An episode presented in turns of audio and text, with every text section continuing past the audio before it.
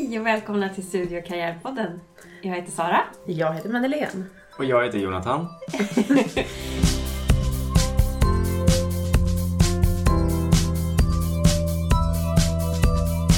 Hej Jonathan. Hej! Välkommen till Studio Karriärpodden. Idag Tack så ska vi mycket. prata utlandsstudier. ja, Det är kul. idag har vi inga gäster i studion utan nu Nej. kör vi oss själva. Trion. Får vi Ja. breda ut oss riktigt mycket och prata ja om oss själva. och- Exakt. Nu är det bara vi. Ja. Eh, Men varför ska vi prata om utlandsstudier?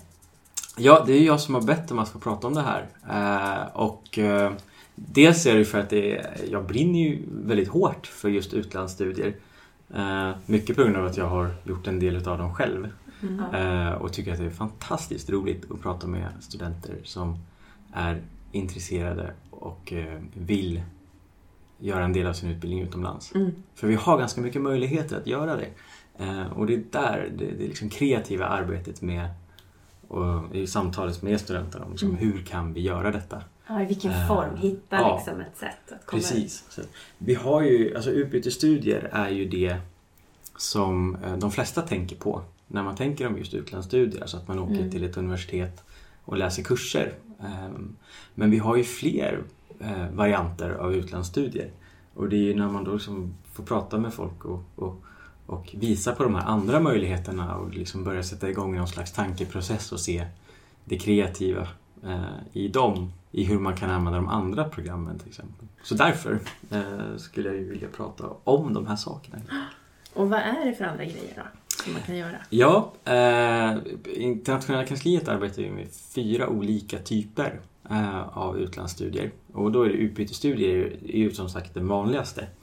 Eh, men sen har vi ju även eh, minor field studies som är ett stipendium som finansieras av Sida för att göra en fältstudie i eh, ett utvecklingsland. Och eh, det här ska ju användas gentemot en kandidat eller en masteruppsats. Så att man åker iväg och så samlar man in data, man skapar ett projekt helt enkelt för att se till att man får in sin data till sin eh, examensuppsats på kandidat eller masternivå.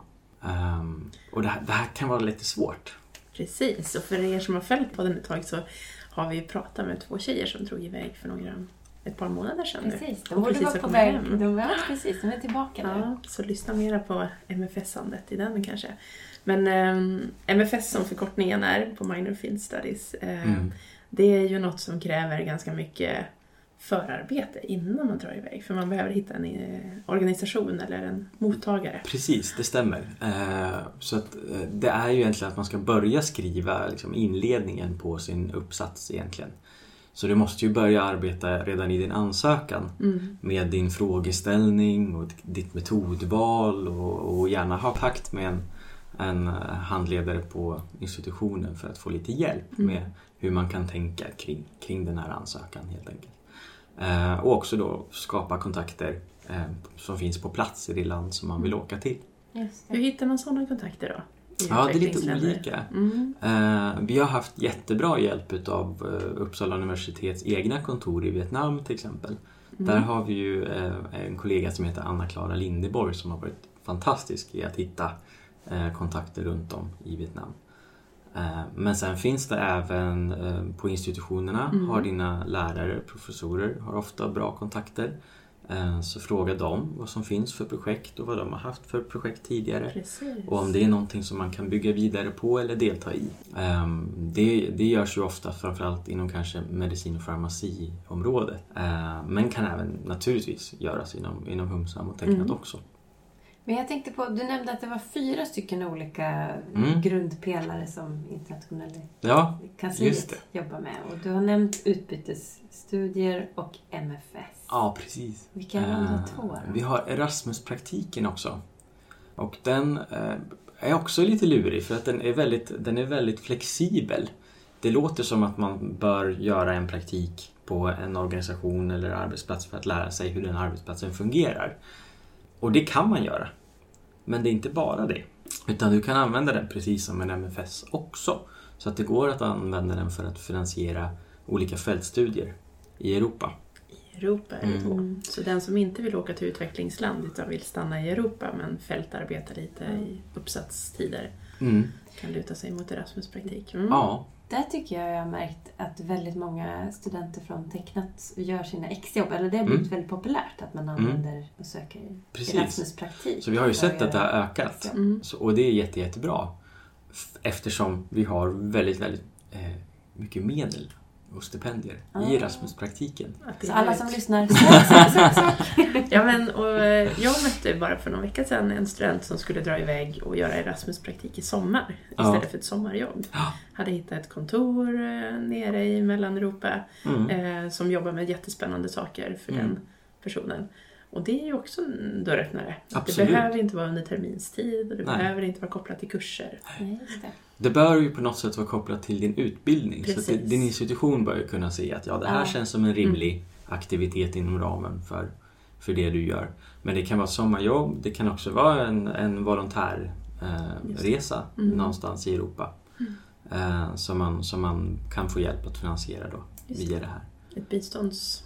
Så skulle det kunna vara. Mm. Ja, Mm. kan det vara. Absolut. Så, så kreativiteten här är, är liksom gränsen. Mm. Det är den som Ja. begränsar vad du egentligen kan använda det här. Så länge det är åtta veckor långt Ja. eh, så kan du, man då få eh, hjälp med 5 till 6 tusen extra kronor i månaden. Det, det kan vara ju väldigt... Och maxgränsen är längre Bra. än åtta veckor. Maxgränsen är ju eh, som, som mest så kan man få 52 veckors Ja.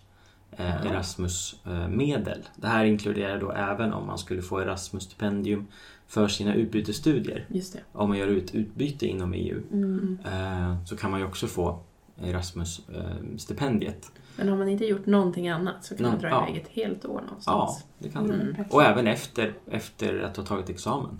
Mm. Se Kanske där, öppnar göra. vi en dörr för den målgruppen också. Ja. Måste vara, men det måste vara i anslutning till att du blir klar? Eller? Ja, upp till 52 veckor efter att du har Ja. tagit ut din examen så kan du göra praktiken. Så du kan påbörja den några månader senare. Ja.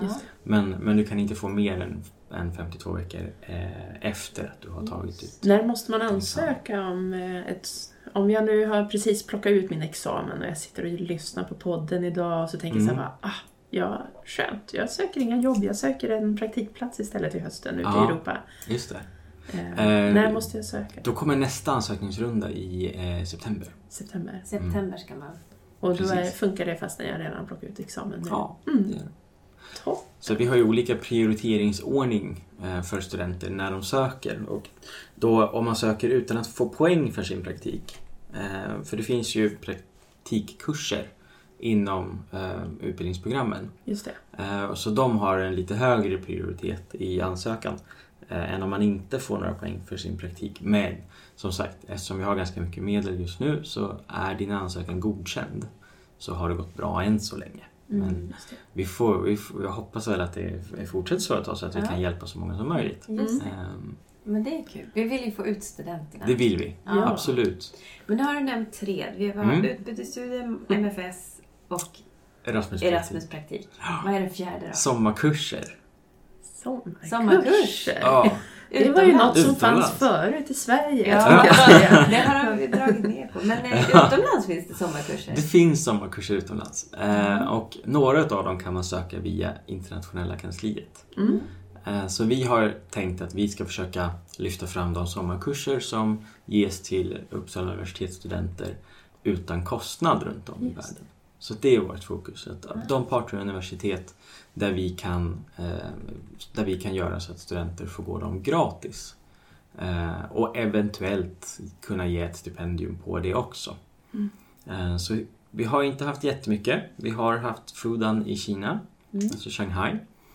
Och även Århus och Helsingfors Mm. Har man haft möjlighet att söka till sommaren 2018. Men det här utbudet kan ju variera Mm. eh, beroende på vad vi kan få till för avtal med våra Kanske olika lite parter. beroende på eh, efterfrågan också, tänker jag. Eh, ja, Mm. Så börja bomba internationella kansliet med funderingar på sommarkurser runt omkring i världen så får de kanske jobba hårdare med det. Ja, precis. Mm. Men vad är det för kurser? Alltså är det språk då? Eller vad, vad vill Det kan vara lite läsa? olika. De sommarkurser som vi har, Ja. eh, de bör ju oftast vara ganska så breda för att det ska Ja. finnas ett, eh, möjlighet för många olika vetenskapsområden att Ja, åka precis. på dem. Mm. Så till exempel i Fudan så handlar det ju om, om eh, kinesisk ekonomi och alltså Mm. hur man handlar med Kina Mm. utifrån olika, vet, olika industrier och så. Just det. Eh, så men det kan även vara eh, kinesiska. Mm. Eh, och kinesisk kultur och alltså Just ett det. allmänintresse Ja. i Kina. Mm. Sen i både Århus och i Helsingfors så har de haft ganska maffiga kurskataloger. Så Mhm. man har kunnat välja ganska många sommarkurser. Eh, Så där har det funnits allting från dataspelsutveckling och grafik och ekonomi och eh, juridik. Så det har funnits ganska mycket att välja på i dem. Men då tänker jag som norrbottning direkt, Århus, måste jag läsa kurserna på danska? Nej, Har de, de, på ger, engelska? de ger dem på Ja, engelska. vilken tur. Ja, men då är det värt att söka. Men vad spännande! liksom, eh, det finns ju väldigt många olika sätt att ta sig ut. Mm. Ja, just sommarkursen är ju ett bra alternativ då om man, om man inte vill åka bort en hel termin. Mm. Ja. Eh, utan, utan kan göra någonting kortare. Mm. Eh, Så av, av olika anledningar. Eh, Eller om man vill prova på eh, att ta en sommarkurs Just det. eh, först och sen ta sig eh, vidare med ett längre utbyte eller en MFS. Mm. Och där kan vi väl alla tre vid det här bordet säga att eh, risken är stor att resebuggen hoppar in i magen när man vill dra vidare. Mm. Efter en sån Ja, det blir så. sommarupplevelse. Ja. Ja.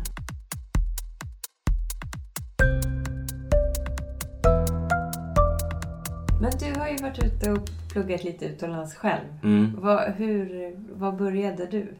Ja, det var den där buggen som Ja, satte in. Eh, Du och lite tävlings... eh, Ja, och lite tävlingslystnad också kanske. Oj, Eh, jag, jag är yngst av tre. Ja. Och eh, mina äldre syskon hade varit iväg eh, på språkkurser under somrarna. Men eh, när jag var yngre så var jag lite, ganska tävlingsinriktad så jag var ju tvungen att bräcka detta.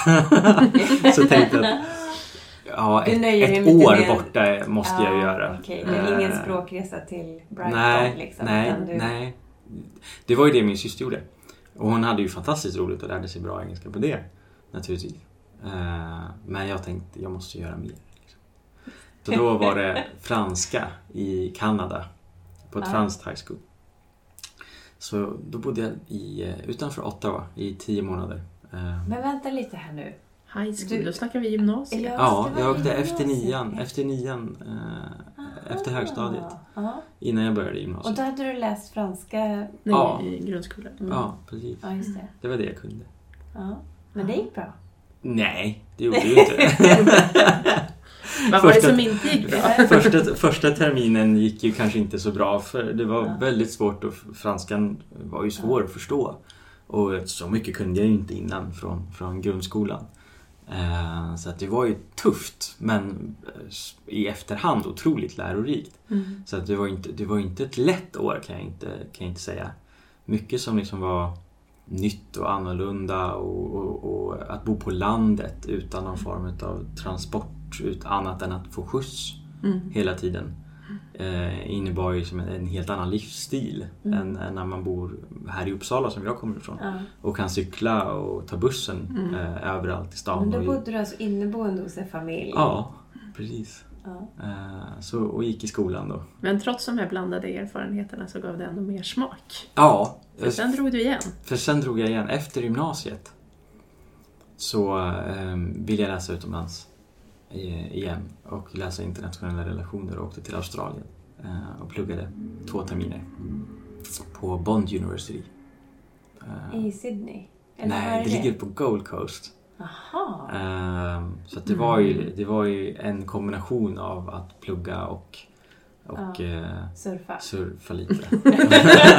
Det är det som vi säger till studenter. Betoning att på lite inte där. Nej, precis. Jag har, jag har lite svårt att hålla balansen här.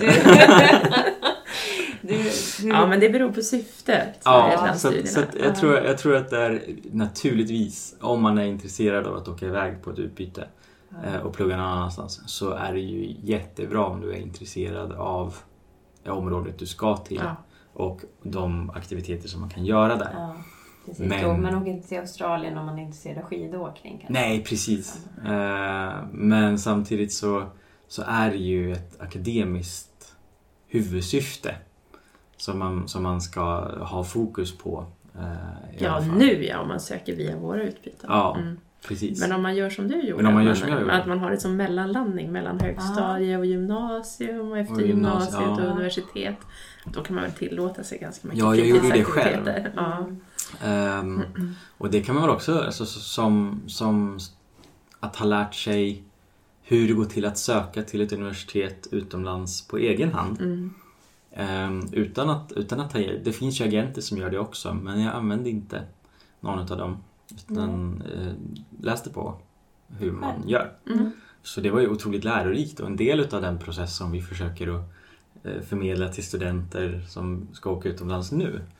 eh, Att, att det, en del utav processen är att lära sig och förstå hur, hur beskriver ett universitet eh, sin egen ansökningsprocess utomlands. Mm. För vi har ju, de, alla som läser här har ju sökt till universitetet mm, som man gör här i Sverige. Och det fungerar inte riktigt på samma sätt eh, utomlands. Mm. Eh, utan det måste man ta reda på och försöka förstå vad det är för typ av dokument man behöver. Vilka översättningar är nödvändiga Ja. och, och hur fixar man de dokumenten. Eh, så det är lite jobb. Ja, Precis, och förarbetet är en del av, av upplevelsen och resan och Precis. framförallt erfarenheterna. Ja, Mm. och så det nu när jag jobbar, nu råkar jag ju dessutom jobba med den här typen av saker idag. så att naturligtvis finns det en, en naturlig koppling. Mm. Eh, men, men även om man inte gör det utan jobbar med någonting helt annat. Eh, men där det finns en internationell eh, dimension i ens jobb. Eh, så, så är det väldigt bra att, att eh, förstå att man behöver sätta sig in i en annan administration, en annan kultur Ja. och förstå att, att eh, jag kan inte anta att, att allting fungerar på samma sätt som det gör här hemma. Nej. Och det kan vara allting från ren administrativ struktur, Mm. och att man använder olika ord för samma saker, Precis. Till organisationshierarkier. Alltså vem ska jag prata med? Mm. I vilken ordning måste jag, måste jag prata med de här personerna? Mm. Just det. Eh, Så det är ju det är en balansakt Just som man det. lär sig under en utlandserfarenhet. Mm. Men det du gjorde efter gymnasiet, det var det man kallar idag för free mover. Ja, Eh, precis. ett ett utbyte som man arrangerar helt Mm. själv och bekostar helt själv. Mm. Eh, och sådana kostar ju väldigt mycket Ja, pengar jag fick ju väldigt min- ofta. Ja, jag använde ju CSN då Ja, för att finansiera det. för att finansiera det. Ja. Ehm, Fördelen med att dra iväg på utbyte, vi pratade ju inte så mycket om utbyte för vi ville visa på alla andra alternativ, precis. men jag tänkte vi kan ta lite om utbyte För det är ändå den också. största delen. Ja. Ehm, utbytesstudierna, att ehm, fördelen där är att man slipper den där kostnaden Mm, det stämmer. med terminsavgifter. Mm. Men vad är den eh, största utmaningen för den som vill göra utbytesstudier? Utbyte, I och med att utbytesstudier är eh, det mer populära av våra alternativ så är det ju det som är mest konkurrensutsatt. Mm. Och det är också så här, vissa regioner, eh, Mm. vissa länder är ju mer populära än, än andra. Så att där är det ju mera eh, just konkurrensen Just som är Mm. utmaningen när du söker.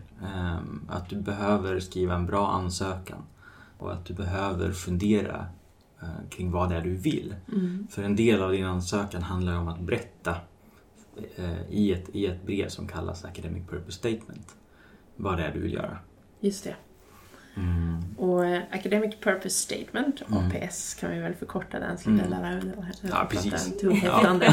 Ehm, Men det, det brevet det väger väldigt tungt i urvalet. Det gör det. Det är ju eh, fyra av åtta poäng ungefär. Mm. Ja, just det. Ni har någon poängskala för hur ni graderar alla. Precis. Och det betyder också att den som inte kanske riktigt lyckades norpa alla högsta betyg på alla kurser man har läst Mm. hittills och vill söka ett Som då är utbyte. den andra halvan av som är den bedömningen. andra Ja. halvan av bedömningen. Den har väldigt stora chanser om den lägger mycket krut på Sin eh, APS, APS. ja. ja. Och här, här, träff, här hör vi ju olika saker från studenter. Eh, så att det är eh, bra att prata om faktiskt. Eh, för syftet med den här APSen, det är ju det utgår från den som söker. Eh, vad man vill. Mm. Vad, vad eh, ser man i sin framtid? Vart, vart vill jag jobba någonstans? Och vad behöver jag lära mig för att få jobba på det stället? Eller vad, vad vill jag forska i om man tänker sig en akademisk karriär? Mm. Så student, det, det, det finns någon slags uppfattning om att det här är ett personligt brev och att man behöver framställa sig själv i väldigt positivt Mm. ljus. Och, Störst, bäst och vackrast. ja, det har, och att jag har gjort det ena och det andra och Mm. därför är jag meriterad för det här. Och det handlar inte om det eftersom det här handlar om en utbildning. Mm. Just det. Det här Så det handlar ska vara en om... del i din vidare karriär? Liksom. Ja, precis. Så att det här är ju liksom ett steg för dig i att komma eh, närmare ditt mål. Eh, så att, så att det, det är ingenting man behöver försöka sätta sig och hitta på för att det ska låta bra utan, utan säg vad det är du vill göra och förklara hur det här hjälper dig dit. Att det blir svårt att skriva ett brev, det blir det om man inte vet vad man vill. Precis. Man måste ha tänkt igenom. Precis. Och det är där Så- det blir så spännande för mig som karriärvägledare. Mm.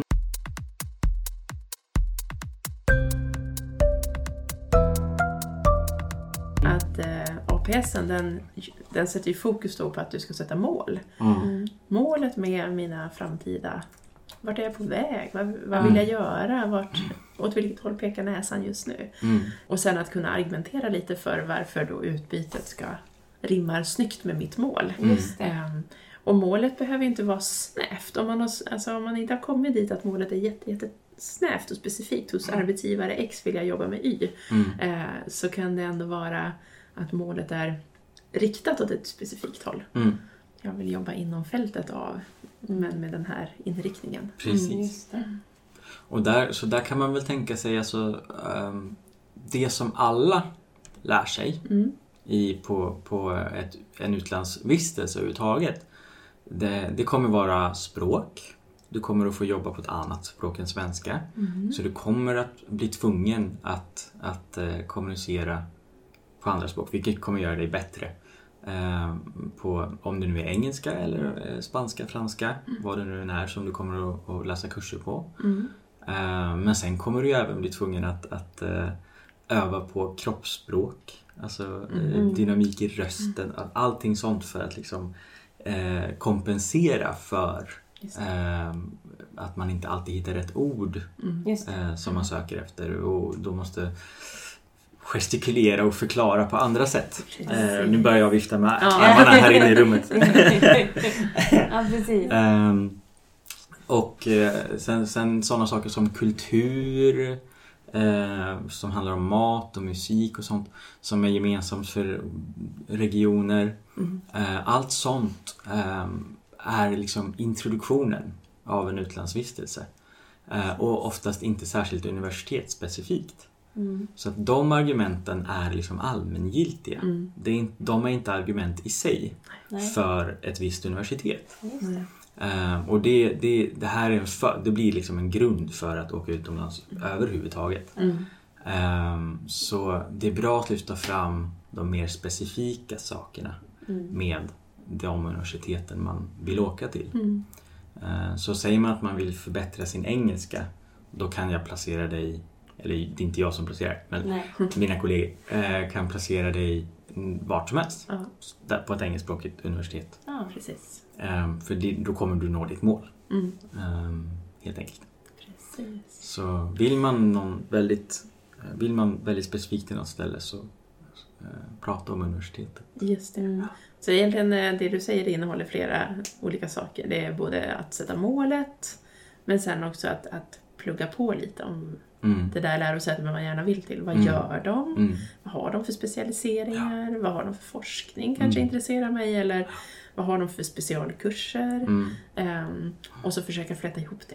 Ja, Mm. precis. Så mitt favoritexempel det är en, en student som vill åka till Nya Zeeland och läsa eh, kurser inom äventyrsturism. Ehm, Ja. och då åka till eh, Queenstown eh, där vi har ett partneruniversitet. Och Queenstown råkar vara södra halvklotets största center för äventyrsturism.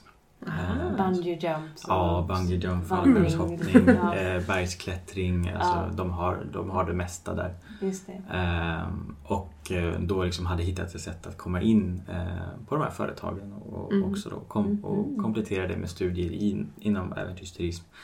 Och målet var ju att öppna sin egen, sitt eget företag inom äventyrsturism härifrån Sverige. Precis. Så det var ju väldigt tydligt. Det var ett väldigt tydligt eh, mål där. ja. Det var ett väldigt ja. tydligt mål.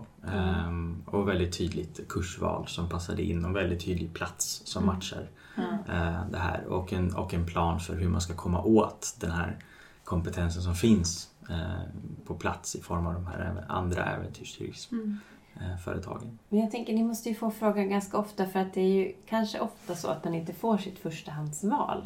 Mm. Men när man skriver sin APS så riktar man den mot liksom det man söker i första hand. Ja, alltså det är ju f- 50% av de som får sitt val får faktiskt Ah. sitt förstahandsval. Okej. Så Så det är många är nog ganska får många som får Ja. sitt förstahandsval. Eh, vilket är kul. Sen, Mm. Och sen är det ytterligare eh, en, en fjärdedel som får sitt andrahandsval. Så man, man bör... Det där har Man har faktiskt... ganska goda chanser. Man har ganska goda Mm. chanser. Om, får du, om du får ett, ett erbjudande så eh, har man goda chanser att få Ja. eh, sitt förstahandsval.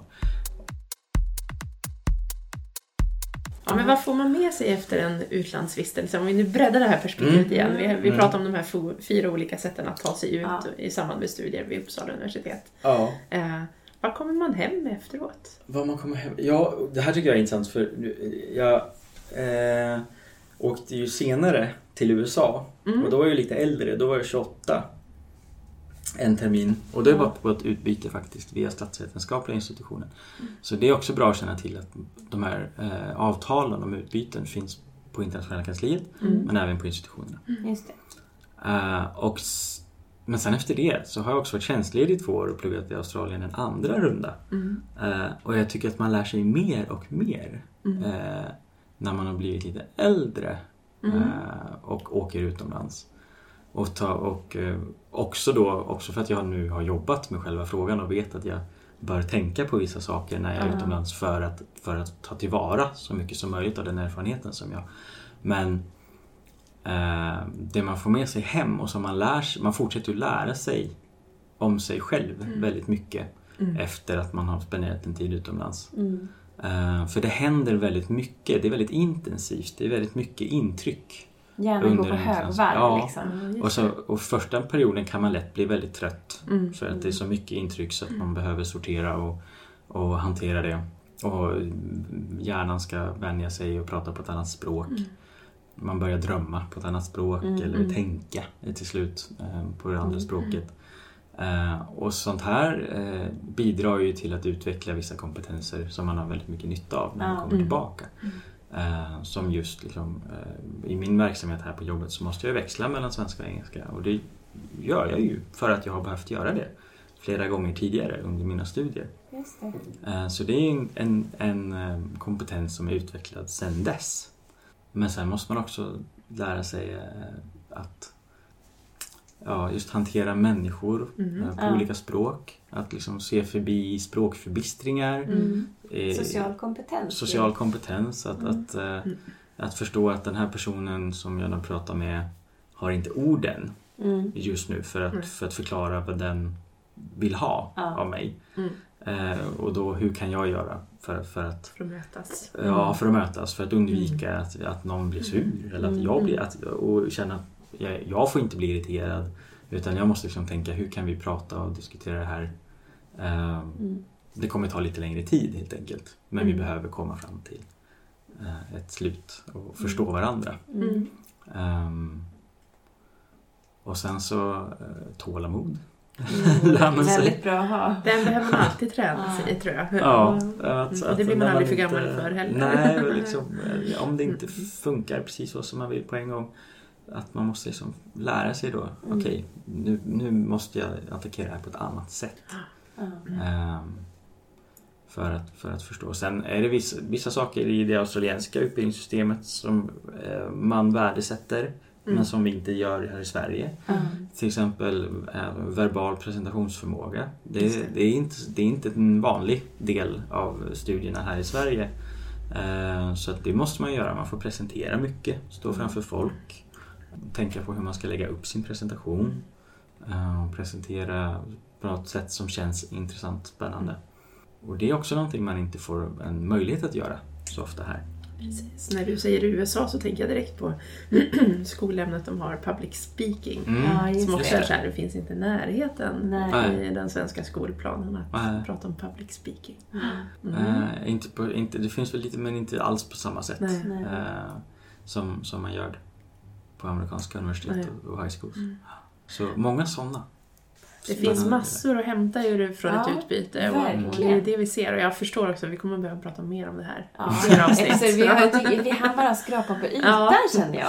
Och ändå har vi tiden rinner iväg. Liksom. Ja. Men det är ju väldigt bra att du är kvar här. Så vi kan liksom Ja. ta Det kommer igen. mera. Ja. Ja, Men, eh, eh, men framförallt de här fyra olika vägarna ut. Mm. Vi Ja. repeterar dem igen, så ingen missar. Förutom utbytesstudier då. ska vi säga högt tillsammans. Utbytesstudier, Ämne. Minor field studies, eh, Erasmus-praktik och sommarskola. Sommarkurser. Kurser. Sommarkurser. Precis. Fyra, Så nu, fyra ben.